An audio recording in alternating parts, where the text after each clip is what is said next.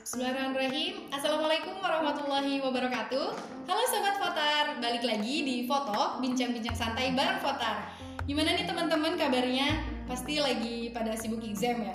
Oke, jadi di podcast Fotar kali ini ada yang terbaru teman-teman Biasanya kita kan ngebahas tentang sahabiah Tapi mulai sekarang dan insya Allah ke depannya kita akan ngadain obrolan lebih banyak dan berusaha mengambil perspektif yang menarik dalam hal-hal penting di kehidupan kita insya Allah.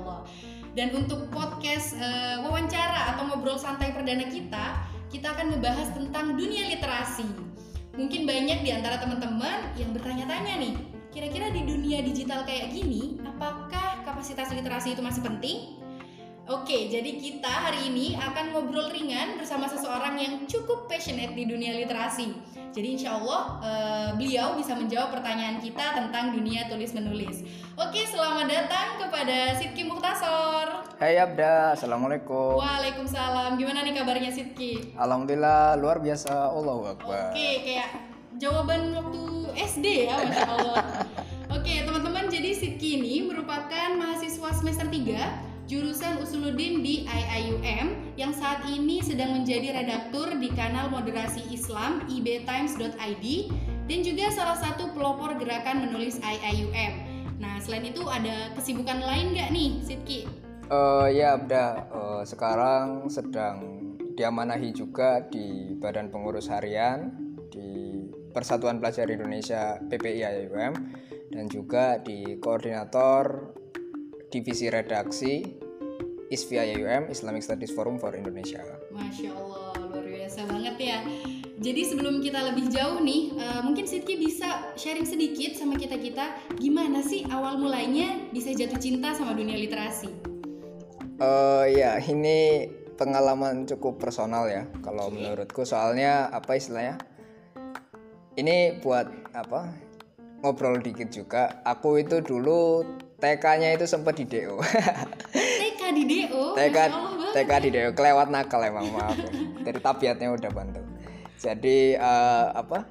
Kan TK kita itu dua tahun TKA TKB, terus okay. apa? Pas TKA itu saya itu walaupun kelas itu ada kegiatan, tapi saya itu nggak pernah masuk kelasnya gitu. Saya apa keliling-keliling di tempat bermainnya terus main-main plastisinnya ke perpustakaannya ke kantor guru main komputer gitu. Pokoknya nggak pernah masuk kelas. Akhirnya ya udahlah ya tuh satu tahun dulu gitu. Di di rumah kan satu tahun. Akhirnya satu tahun itu aku di rumah aja. Kayak karantina kita sekarang di rumah aja. Uh, di rumah satu tahun itu aku banyak main sama umiku ibuku. Uh, umiku dulu uh, cara mengenalkan aku dengan dunia buku, dengan dunia baca membaca, dunia pengetahuan itu aku kecil, aku yang kecil itu di ruang keluarga, umiku menebarkan banyak buku-buku terbuka di lantai-lantai aja gitu. Jadi aku uh, bingung ini apa barang-barang kebuka, terus ini tulisan-tulisan, gambar-gambar apa. Akhirnya dari situ uh, itu memantiku untuk banyak berinteraksi dengan buku, gambar dan tulisan dan umiku biasanya bantu jelasin ini itu apa, ini itu ini, ini itu itu dan itu dan di tengah aku yang tidak sekolah yeah. dan itu menjadi satu-satunya bentuk hiburan untukku gitu. Dan ya itu akhirnya uh, menjadi dunia yang sangat menarik untukku dan karena itu juga aku ingat ya salah satu cita-cita pertamaku yang aku ucapkan lisan dan aku masih ingat itu aku di pangku aku dibukain buku oh. ensiklopedia bocah muslim itu membahas pas itu bukunya tentang Ibnu Sina terus umiku itu jelasin Ibnu Sina adalah ilmuwan dia punya banyak kontribusi terhadap ilmu pengetahuan dan membantu dunia dan lain-lain akhirnya aku ingat bahwa dulu cita-cita pertamaku ilmuwan. Masya Allah, ini teman-teman boleh di take note ya yang mau jadi ibu, jadi orang tua, cara mengenalkan uh, tulisan untuk anak-anak. Buka aja bukunya di depannya kayak gitu. Iya. Kemudian ini mengantarkan uh, Sidki mencintai dunia tulis menulis ya. Iya dan apa karena ya itu akhirnya dikenalin oh ini tuh ilmuwan. Terus ilmuwan itu apa toh? Gitu. Terus kan kebetulan abiku itu orang ITS orang teknik lingkungan teknik energi sekarang uh, pokoknya orang sains dan akhirnya uh, dikenalkan dengan dunia-dunia sains juga uh, akhirnya aku juga dibeliin buku-buku eksperimen uh, kita banyak nyoba-nyoba eksperimen kita membuat plastisin Oh. buat plastisin nggak beli di nggak beli di Indomaret atau Itu di apa usia TK itu kan ya? Iya, TK, TK. Oh, oke. Terus apa? Itu juga ngaruh pas SD aku banyak ikut apa? Lomba-lomba sains dan juga apa namanya? Eh, pernah ikut lomba eksperimen juga bikin simulasi geyser gitu. Istilahnya eh, banyak banyak ngotak-ngatik dunia sains lah suka suka banget sama yang baca-baca dinosaurus atau Iya. eh, eksperimen kimia sains gitu walaupun di SMA-nya nggak suka tapi tapi it helps in apa ya membuat curiosity-ku bertambah gitu. Bagaimana caraku melihat dunia itu senantiasa ingin tahu bagaimana ingin senantiasa ingin mengenali bagaimana dunia ingin, ingin bekerja gitu. Ingin selalu tahu banyak tanya dan lain-lain. Dan itu menurutku apa ya ber berperan penting dalam bagaimana itu membentuk cara pikir dan semangatku gitu sih. Untuk menuangkan pengetahuan-pengetahuan itu dalam bentuk tulisan gitu ya. itu berpengaruh. Kita akan membicarakan itu lebih lanjut. Tapi uh, untuk bagaimana aku sangat apa istilah orangnya kepoan dan istilahnya nggak tenang kalau informasi setengah-setengah itu ya dari situ gitu Oh, I see. Oke, jadi dari dari waktu waktu-waktu yang indah eksperimen bersama orang tua mengantarkan Sidki mencintai dunia tulis menulis. Oke nih Sidki, kalau menurut anda sendiri, kenapa sih eh, literasi itu penting? Mungkin bisa dijelaskan ke teman-teman. ya uh, tadi mungkin teman-teman bingung lah itu tadi bahas eksperimen apa itu nyambungnya sama tulisan-tulisan ini apa toh gitu Hmm. Uh, karena tadi kenapa kenapa literasi itu penting Uh, dan apa itu literasi in the first place Oh, yes. literasi uh, yang aku pahami itu adalah kapasitas kita untuk mengetahui kapasitas kita untuk uh, menyaring bacaan menyaring informasi dan juga mengucapkannya kembali dalam bentuk yang baik. Dan itu di tengah dunia kita sekarang dunia uh, elektronik dunia internet uh, banyak informasi beredar. Semakin banyak informasi beredar tapi justru semakin sedikit yang informasi yang berkualitas. Hmm, setuju banget. ya dan karena semakin sedikit informasi berkualitas di tengah banyaknya informasi itu semakin menjadi tantangan dan semakin menjadi untukku justru gangguan. Karena ini terlalu banyak informasi tapi ini bener atau enggak. Jadi kayak menu-menuhin kepala gitu. Dan akhirnya kita bertanggung jawab pada diri kita sendiri untuk bisa menyaring informasi itu. Aku harus bisa mencari tahu mana informasi yang benar dan salah. Dan itu akhirnya eh, mengantarkan kita kalau kita melihat itu penting itu akan mengantarkan kita pada upaya untuk membekali kita dengan cara-cara agar kita bisa menyaring informasi itu. Akhirnya kita misalnya ada informasi datang tentang informasi keagamaan. Akhirnya konsekuensinya kita harus lebih banyak belajar masalah agama sebelum mendapatkan informasi itu. Misalnya eh, fatwa jilbab gitu. Apakah misalnya hukum jilbab itu bisa dihukumi semudah itu? Walaupun ada salah ada salah satu mufasir yang terhormat yang aku sangat menghormatinya pribadi tapi kalau misalnya kita banyak belajar usul fikih dan fikih ada namanya ijma dan lain sebagainya hal-hal istilahnya kita tidak bisa mengambil sesuatu for granted gitu apa pun itu baik sesuatu yang secara political correct yang sesuai dengan political correctness kita maupun sesuatu yang di luar itu gitu. Kita harus senantiasa merecek kembali eh, pengetahuan kita. Karena kalau misalnya karena pengetahuan adalah cara kita untuk bergerak pada kemajuan, cara kita untuk kemudian berprogres. Kita kalau misalnya apa? Dengan kita tahu caranya masak, akhirnya kita bisa masak. Tapi kalau selama ini cara kita masak itu salah, artinya produk yang kita masak itu ada kesalahan juga di situ. Tapi kita makan-makan aja gitu, nggak tahu sakit apa nggak di dalam gitu kan. Nah makanya itu eh, kita kadang perlu mericek kembali informasi yang yang akan datang, yang telah datang, yang dan bahkan yang sudah kita amini selama ini gitu. Kita senantiasa perlu mempertanyakannya kembali dan mengeceknya kembali dengan cara-cara yang benar. Ini bukan berarti uh, kita mengamini skeptisisme sebagaimana skeptisisme falasifa Barat, tapi istilahnya bahkan Nabi Ibrahim sendiri itu kan uh, Ari, arini air- arini kaifatu hiyal mauta. Qala awalam tu'min uh, khudz arbatan min at-tayri fasurhunna ilaika tsumma ja'al ala kulli jabalin minhun. Uh, diminta Nabi Ibrahim kan diminta ngambil Kit- Nabi Ibrahim gak yakin Iya, sama kematian. Allah kan? bukan Iya, masalah kematian. kaifatu hiyal mauta gak yakin sama Allah apakah bagaimana fenomena kematian dan kehidupan itu. Kamu nggak awala tu'min kamu tidak percaya padaku Uh, aku percaya tapi ini untuk lihat inna kolbi untuk me, untuk mengitminankan hatiku maka karena itu Allah nyuruh ambil empat burung dipotong-potong disebar di eh, empat gunung yang berbeda habis itu ditepuk tangan dan lagi. Nabi Ibrahim melihatkan itu bentuk kita bentuk pertanyaan Nabi Ibrahim seperti ini yang perlu kita ambil dalam posisi kita mem apa mengklarifikasi kebenaran. Jadi istilahnya untuk lihat toma ina kolbina gitu, untuk meng- menguatkan hati kita bukan untuk kayak justru meragukan dalam posisi menantang gitu. Jadi bukan misalnya kalau tadi kita perlu mempertanyakan segala posisi kita terus kita bertanya misalnya Mm-mm. kenapa Tuhan menciptakan ini? Tapi dalam dalam posisi menantang Ah, gitu. bener-bener, posisi kita itu bukan menantang tapi ya genuinely untuk mencari tahu gitu. Karena kalau misalnya ke posisi kita itu dalam sejak pertama itu sudah menantang akhirnya membentuk hasil akhir yang subjektif juga gitu. Betul. jadi bukan untuk kontra apa senantiasa kontra dengan pengetahuan yang ada tidak untuk edgy tapi Oke. bukan untuk edgy tapi benar-benar untuk ya untuk mengetahui. Dan akhirnya setelah kita mungkin akhirnya dengan recheck itu mendapatkan informasi alternatif yang berbeda atau yang lebih kaya itu akhirnya membuat kita lebih tenang dengan kebenaran. Akhirnya eh, bahwa akhirnya pengetahuan itu tertujukan agar bagaimana kita bisa semakin eh, menjadi orang yang menghayati kehidupan dengan lebih baik. Dalam artian kita sebagai muslim itu berarti menjadi hamba Allah yang lebih baik.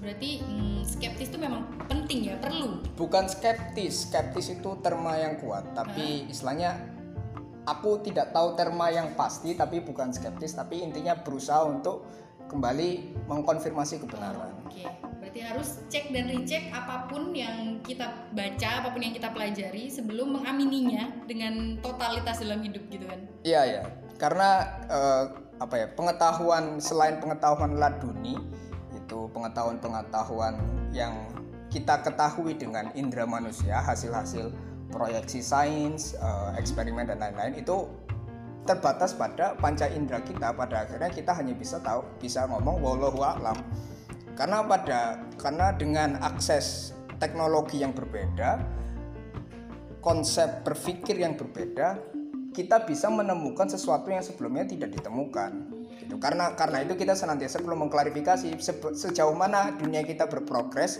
sejauh mana peradaban manusia ini eh, berjalan akhirnya kita kemudian bisa menemukan hal-hal yang lebih sophisticated yang membantu kita dalam kehidupan kita kita juga jadi bisa mengatasi hoax-hoax yang beredar gitu. betul nggak gampang percaya dan lain-lain dan akhirnya lebih berhati-hati tidak apa kita tidak mudah menghakimi kita tidak mudah me- menjelek-jelekan karena kita tidak pernah tahu apa yang sebenarnya terjadi Bener. Apa nih apa sih ada mungkin satu case di dunia eh di sosial media yang lagi rame belakangan ini yang itu hoax banget mungkin yang itu sangat perlu nih untuk orang paham literasi agar bisa menyaring fakta-fakta itu gitu. Hmm, ya salah satu yang menarik itu kendati ya kita perlu kritis pada segala informasi yang datang pada diri kita Eh, tapi pengucapan kritisisme yang eh, salah itu juga bermasalah kayak contohnya contohnya sekarang ada orang yang nggak mau divaksin Mm-mm. ada orang yang nggak mau divaksin dengan eh, dengan pemikiran konspirasi wah ini vaksin ini eh, racun ini menguasai segala macam ini dan segala macam. Padahal ya dia dalam satu titik dia berusaha kritis ber- terhadap eh, pewajiban vaksin atau eh, konsep bahwa vaksin semestinya diberlakukan pada semua orang. Tapi dia tidak dia tidak mengikuti progres saintifisme saintisme dalam upaya pembuatan vaksin itu. Bahwa vaksin pembuatan vaksin dan bahwa corona ini berbahaya dan lain sebagainya itu adalah sesuatu yang sudah melewati uh, uji coba eksperimen dan sudah di istilahnya ijma ulama saintis gitu. Dan itu udah empiris lah istilahnya. Tapi orang-orang ini ya karena berdasar apa namanya curiga saja Mm-mm. tidak didasari pada sesuatu pada temuan saintis lain melainkan pseudoscience pengetahuan yang pengetahuan semu sehingga akhirnya ya itu akhirnya ada hoax ada konspirasi konspirasi ada karena eh, cara berpikir yang tidak eh, tidak benar tapi seakan-akan benar karena eh, narasi pengucapan dan kayak kira-kira ini sesuai gitu padahal tidak sesuai dengan Kira-kira ya? Iya, tidak sesuai dengan kaidah berpikir yang baik, baik itu kaidah sains, kaidah kalam, Mm-mm. atau bagaimana kaidah agama kita mengajarkan kita untuk berpikir. Nah itu hal-hal seperti itu itu ada karena ya orang tidak ingin berpikir gitu. Begitu. Jadi penting lah eh, bagaimana kita itu bisa memproses informasi dengan baik. Bukan kita itu curiga, tapi uh, genuinely kritis. Akhirnya genuinely kritis berarti menggunakan metode yang yang baik, metode yang benar dalam berpikir. Itu satu. Mengapa literasi itu. Ada tiga kira-kira yang aku ingin diskusikan. Satu itu bahwa informasi berkualitas semakin langka.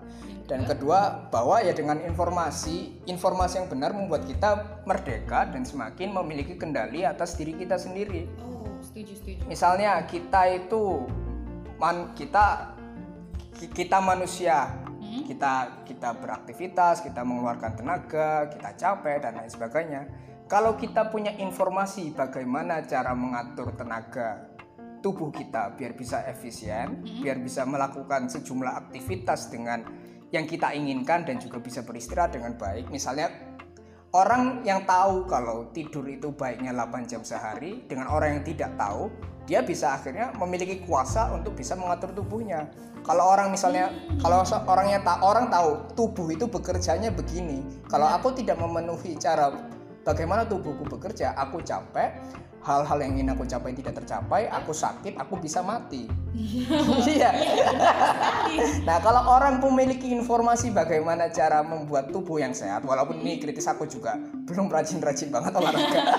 Tapi ini adalah gambaran bahwa informasi itu uh, sangat penting dalam bagaimana kita memiliki kendali dalam dunia kita. Kalau kita informasi terhadap tubuh, kita bisa bikin tubuh kita lebih sehat atau setidaknya tidak mudah sakit.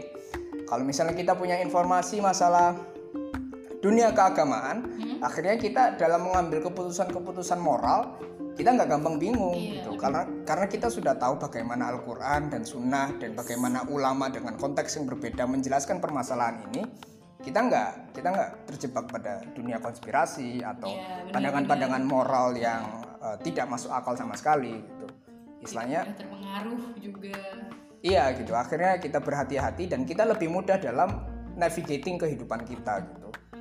Jadi mungkin uh, benar beberapa pihak apa bilang taklid sama ulama itu sah. Ya itu sah. Tapi sah bukan berarti itu moral. Pada tataran kalau misalnya kita seluruh kehidupan kita itu semuanya bertaklid. Yeah. Misalnya ini ini kampus ini buka buka apa namanya? Buka gate-nya, buka apa istilahnya ini sekarang kita sedang ada apa imigrasi MCO, MCO ada imigrasi oh, blog dan iya, segala iya. macam. Ini tuh kapan? Kalau kita cuma taklid sama teman kita ya itu kita kan akhirnya menggantungkan kehidupan kita sama teman kita. Kalau teman kita itu lupa ya kita juga ikut kena imbasnya gitu. Padahal pada situasi seperti itu kita bisa langsung akses informasi internet hmm, dengerin langsung press release gitu segala macam. Taklid taklid pada ulama sah pada uh, tataran-tataran yang emang kita belum memiliki kapasitas untuk mengetahuinya tapi hmm. pendekatan kita sebagai pribadi adalah upaya untuk bertanggung jawab pada segala urusan pribadi kita dan juga urusan umat yang bisa kita urusi hmm. dengan pengetahuan gitu. dan dengan pengetahuan itu akhirnya kita bisa melakukan sesuatu yang baik bermanfaat dan relevan setuju jadi intinya kalau yang kedua itu uh, dengan pengetahuan kita tuh bisa lebih punya kekuasaan gitu ya pengetahuan membuat kita lebih merdeka ah, setuju, setuju. akhirnya kita nggak tergantung orang lain kita tidak tergantung orang lain yeah. ngomong apa kita tidak tergantung mereka itu kalau kita, mereka nggak tahu kita itu nggak nunggu yeah. kita bisa langsung cari tahu sendiri jadi we can live my life eh our life gitu kan iya yeah, ya yeah. terus kalau poin ketiganya uh, ini karena lah nyambung votar lah. Votar kan lembaga dakwah kampus yes. gitu maksudnya. Okay. ya dong harus nyambung votar dong. Karena ya itu dakwah ya tentu saja butuh pengetahuan. Karena benar banget. karena dakwah kan upaya untuk menyerukan tendensi moral tertentu pada suatu ajaran. Mm-hmm. kita berusaha untuk tak muru bil ma'ruf. Bil ma'ruf uh, menyeru menyeru pada menyeru dalam kurung pada kebenaran. Bil ma'ruf dengan baik dan juga bil ma'ruf in essence ya pada kebaikan itu sendiri. Nah, jadi kita harus tahu apa yang diserukan dan dengan metode apa yang diserukan. Kalau kita tidak tahu, kita mau kita nyeru nih, tapi kita nggak tahu informasi apa yang kita serukan akhirnya ya sama aja kayak buzzer kan Hmm. akhirnya kita iya kita kita ngelihat sekarang apa ya eh, banyak orang yang kayak oh dia berdakwah tapi istilahnya kayak copywriting daripada informasi-informasi yang sebenarnya sama aja dinarasikan dengan cara yang berbeda.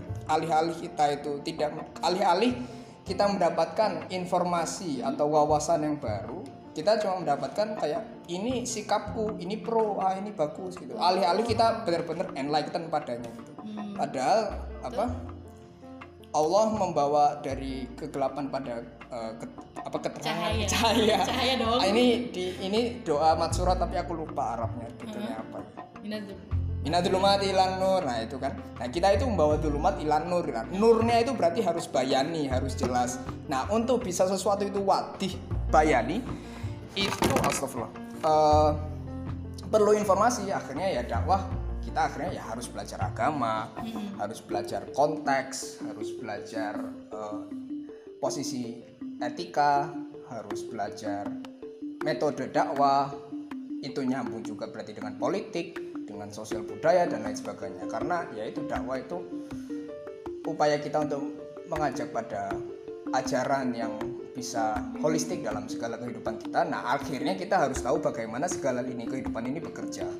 Jadi berarti basisnya literasi itu mencakup semua aspek kehidupan ya pada pada akhirnya. Informasi dan Iya. untuk mengetahui informasi yang benar agar kita bisa, Bisa. menga- mengatur kehidupan kita pada segala lini itu perlu kapasitas literasi. Hmm, setuju banget wah. Jadi teman-teman ternyata literasi itu sepenting itu loh. Jadi wajar sekali kenapa Sirki ini sangat eh, Kayaknya nggak ada nulis-nulisnya tadi ya. intinya itu kan. Kemudian ketika kita bisa menyaring informasi dengan baik, eh, kita tahu cara mencari informasi yang benar, itu kita bisa de- dengan mudah Hmm. menuliskan kembali da- informasi yang benar itu. Ya. Intinya tuh itu kan. Ya, Intinya informasi yang benar. Kalau kalian bisa nulis tapi cuma nulis hoax apa gunanya? Hmm. gitu.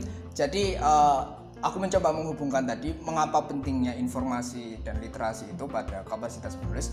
Karena saat kita lebih banyak maaf saat kita lebih banyak terpapar dengan eh, bagaimana perspektif itu disampaikan, bagaimana informasi itu disampaikan, informasi apa saja yang disampaikan, akhirnya kita juga terbangun dengan perspektif kita sendiri dari semua temuan informasi dan perspektif yang kita temui dan memprosesnya dengan baik. Akhirnya kita punya satu ide akan satu sesuatu. Oh, kita banyak kita ikut pengajian kita banyak baca akhirnya kita punya ide akan satu hukum tertentu. Kita punya ide akan satu alasan satu motivasi mengapa sesuatu itu penting dan lain sebagainya. Dari situ akhirnya orang mengekspresikannya dalam bentuk yang berbeda. Ada yang public speaking ada yang menulis Iya betul. Nah, karena itu kita nulis itu nggak bisa nulis kosong. Harus kita nulis itu ada muatan dan ada perspektif. Dan untuk memiliki itu, itu perlu kapasitas memproses informasi dan perspektif itu dan itu adalah kapasitas literasi. Kalau kita bisa berpikir dengan mudah, dalam artian kita bisa berpikir dengan jernih dan memproses informasi dari segala cloud-cloud informasi yang nggak jelas itu, akhirnya kita tahu apa yang kita tulis dan akhirnya cara nulisnya juga baik Eh, kita akan bahas lebih lanjut itu Ya. di pertanyaan pertanyaan nanti. Oke. Tapi sekarang ada yang eh, aku pengen tahu nih tentang kenapa sih apa kira-kira faktor yang melatar belakangi gerakan menulis IAUM karena Sidki kita tahu sebagai salah satu pelopornya gitu yang sangat peduli dengan dunia literasi nih. Pengen masa IAUM banget pengen IAUM itu bangun berjaya di dunia literasi gitu. Kira-kira kenapa nih? Mungkin apa gitu? Iya. apakah biar semua orang juga tahu indahnya dunia literasi atau gimana? Ya ada tiga hal kira-kira hmm, menurutku. Oke. Ada semangat dan juga eh, keresahan oke. dan juga kesempatan. Masya allah. Masya Allah. Tabarakallah. Boleh dijelasin Iya. nih gimana? Semangat jelas. jadi apa istilahnya? Eh, ini 2021 kemarin kapan ya itu? Eh, Januari Februari Maret April Mei. Kalau nggak salah Mei 2020 Hmm? Mei atau Juni Eh, Mei itu aku melihat di Instagram itu IB Times buka magang nulis magang magang menjadi magang mengelola media Islam media Islam online. Dan itu uh, include menulis dan juga ngedit. Aku tertarik karena ya selama ini aku aku merasa kayak belum memiliki apa istilahnya wadah yang cukup mampu mengakomodasi keinginanku dengan baik gitu. Ya aku belajar aku magang alhamdulillah diterima. Kemudian banyak bergelut dengan ya ngedit tulisan bagaimana nulis uh, bagaimana kita bisa tahu tulisan itu terucapkan dengan baik atau tidak dan juga akhirnya terpapar dengan ide-ide dan lain-lain. Itu membuatku termotivasi dengan akhirnya yang aku selama ini itu pingin pingin bisa nulis dengan baik, pingin bisa menyampaikan ide-ide, pingin bisa berdakwah dengan baik. Dengan akhirnya aku merasa lebih terbekali dengan magang itu, itu membuat aku semangat ingin ngajak orang lain juga. Itu satu. Terus juga keresahan bagaimana apa namanya? Uh, kita di kampus Islam, uh, tapi aku merasa di diskursus kita sebagai masyarakat Indonesia di sini itu uh, kurang gitu mungkin teman-teman yang lain bisa mengamini gitu tidak di likul lima jal di, bidang-bidang mana pun uh, aku rasa kayak banyak uh, diskusi atau upaya untuk lebih banyak menulis itu aku merasa kurang baik. Itu juga termasuk diriku sendiri gitu pada saat itu. Dan aku ingin uh, kita ingin kultur yang baik dalam uh, dunia literasi ini bahwa kita itu nggak cuma kelas pulang habis itu uh, kepanitiaan dan dan apa ke KL Sentral gitu. Tapi ya itu apa istilahnya salah satu hal yang menarik ya karena aku melihatkan uh, dengan teman-teman di Indonesia aku merasa tugas-tugas kampusnya di IAUM itu lebih menantang. Uh, lebih banyak hampir semua hampir semua mata kuliah kita kan ada nulis dan yes. ya dan tidak semua itu terjadi di Indonesia yang aku aku pernah alami dan aku merasa kayak kalau misalnya kita lebih take take accountable terhadap tugas-tugas kita sebenarnya ya kita doing kita bisa melakukan doing a real good job dalam dunia menulis kalau kita bisa concern dengan kalau tugas-tugas kita itu kita nggak ngeliat sebagai burden dan upaya kayak aku ingin menulis ini aku ingin tahu masalah ini it will helps gitu dan setelah nanti ketulis ya jangan cuma di kan dikumpulkan iya, dari submit selesai lupa. iya gitu padahal itu informasi yang bisa diolah kembali well. dan uh, kadang kan kita ngirim ke dosen tapi nggak semua dosen itu ngasih feedback mengapa ini salah ini dan segala macam. Iya, iya. Nah, karena kalau misalnya kita uh, bagikan pada orang lain, orang lain bisa memberikan perspektif lain. Ini ada yang kurang, ini benar, ini penting akhirnya kita bisa lebih mengetahui seberapa relevan ide-ide yang kita tulis selama ini gitu setuju, setuju. dan kesempatan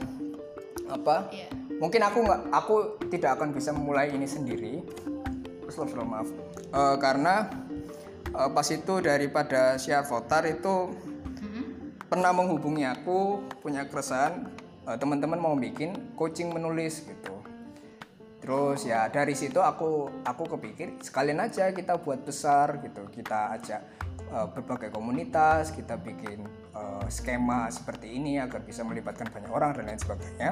Akhirnya kita kenal dengan gerakan nulis IOM ini yang masih baru juga. Hmm. jadi teman-teman yang belum kenal uh, kita dari berbagai komunitas Indonesia di IOM itu dari PPI, dari Votar, ISVI, ISEVIT, IUM dan senantiasa terbuka pada setiap-setiap yang ingin bergabung uh, ingin menggalakkan apa publikasi artikel kecil di website-website pribadi dengan harapan bisa mematik teman-teman untuk uh, mengirimkan tulisannya, berbagi tulisan dengan harapan ini uh, semoga bisa memantik teman-teman dalam dunia literasi juga lebih lebih banyak kesempatan hirosah dalam menulis itu.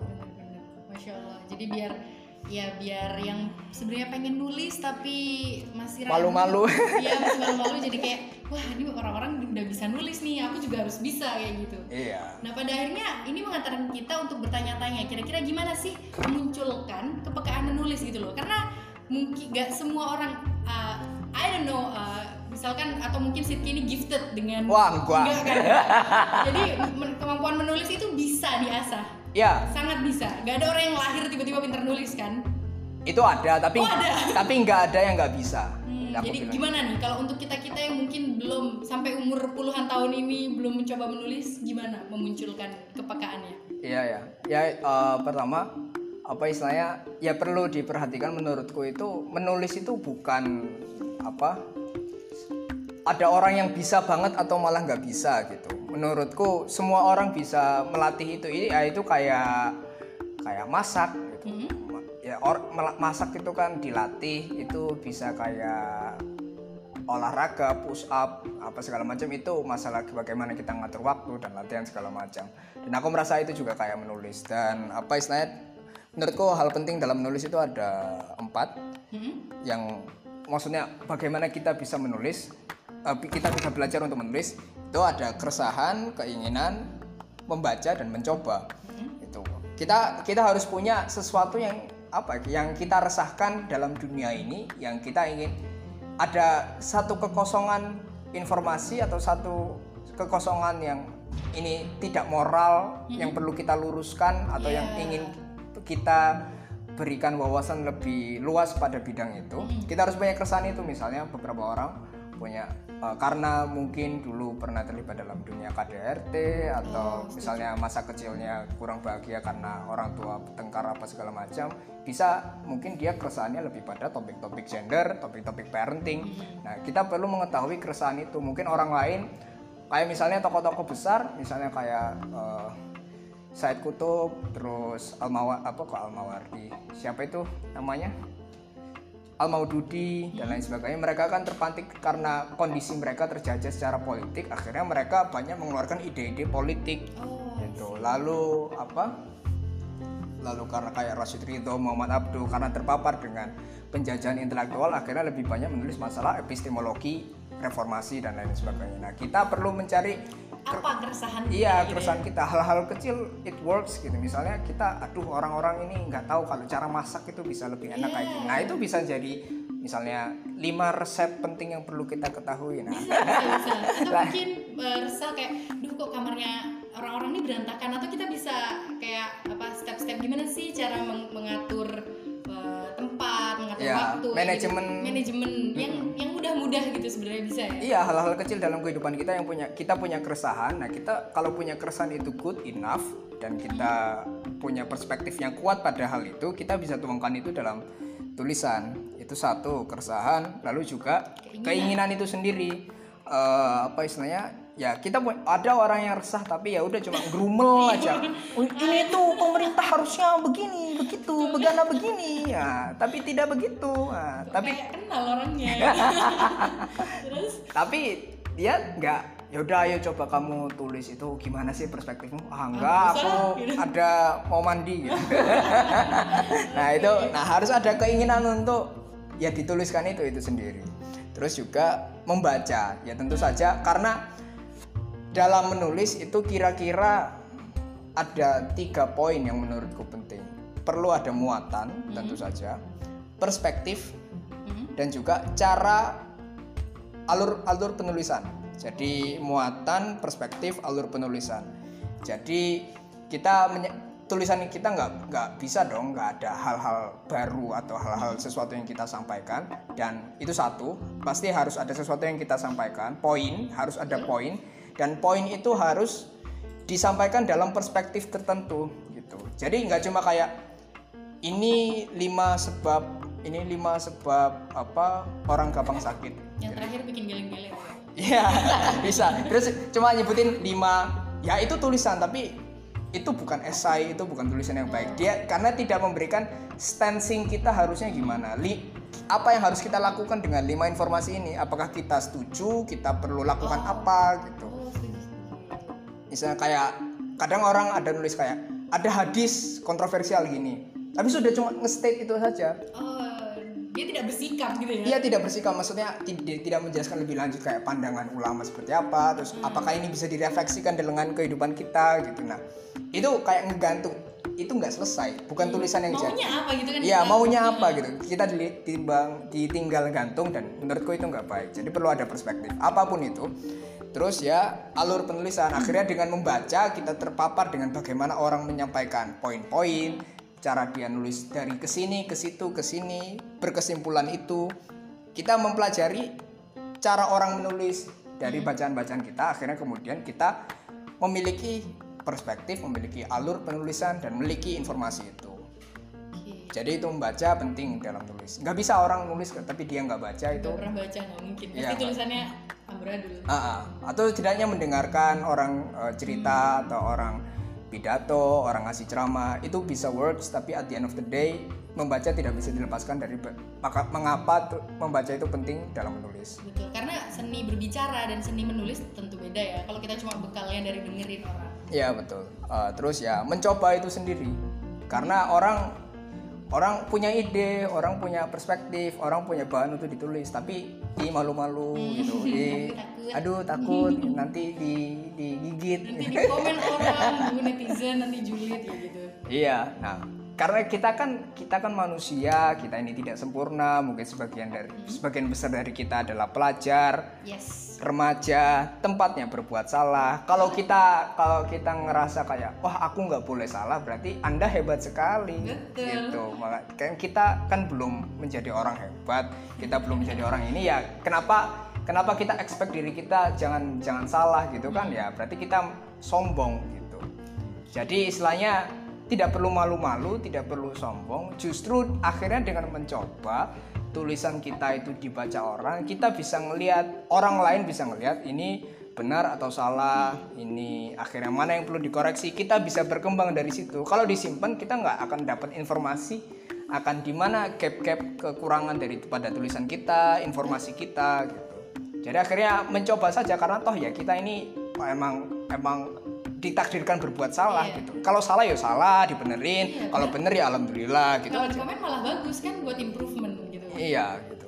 Berarti oke nih. Jadi teman-teman udah udah dijelasin gimana cara memunculkan kepekaan menulis dan insya Allah eh, itu eh, pertanyaan-pertanyaan yang mendasar lah untuk, untuk dunia literasi yang sudah dijawab dengan eh, insya Allah eh, cukup baik oleh Sidki.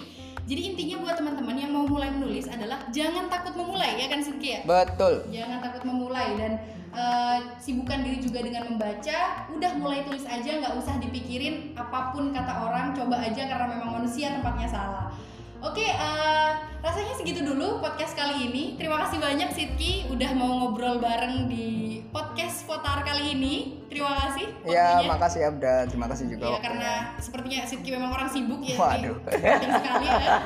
Terima kasih juga buat teman-teman karena udah dengerin podcast kita dan eh, semoga akan ada lagi eh, materi-materi menarik yang bisa kita bahas selanjutnya. Oke, eh, saya Abda. Saya Sidki. Kami ucapkan terima kasih kepada semuanya. Stay healthy, stay happy. Wassalamualaikum warahmatullahi wabarakatuh. Waalaikumsalam warahmatullahi wabarakatuh.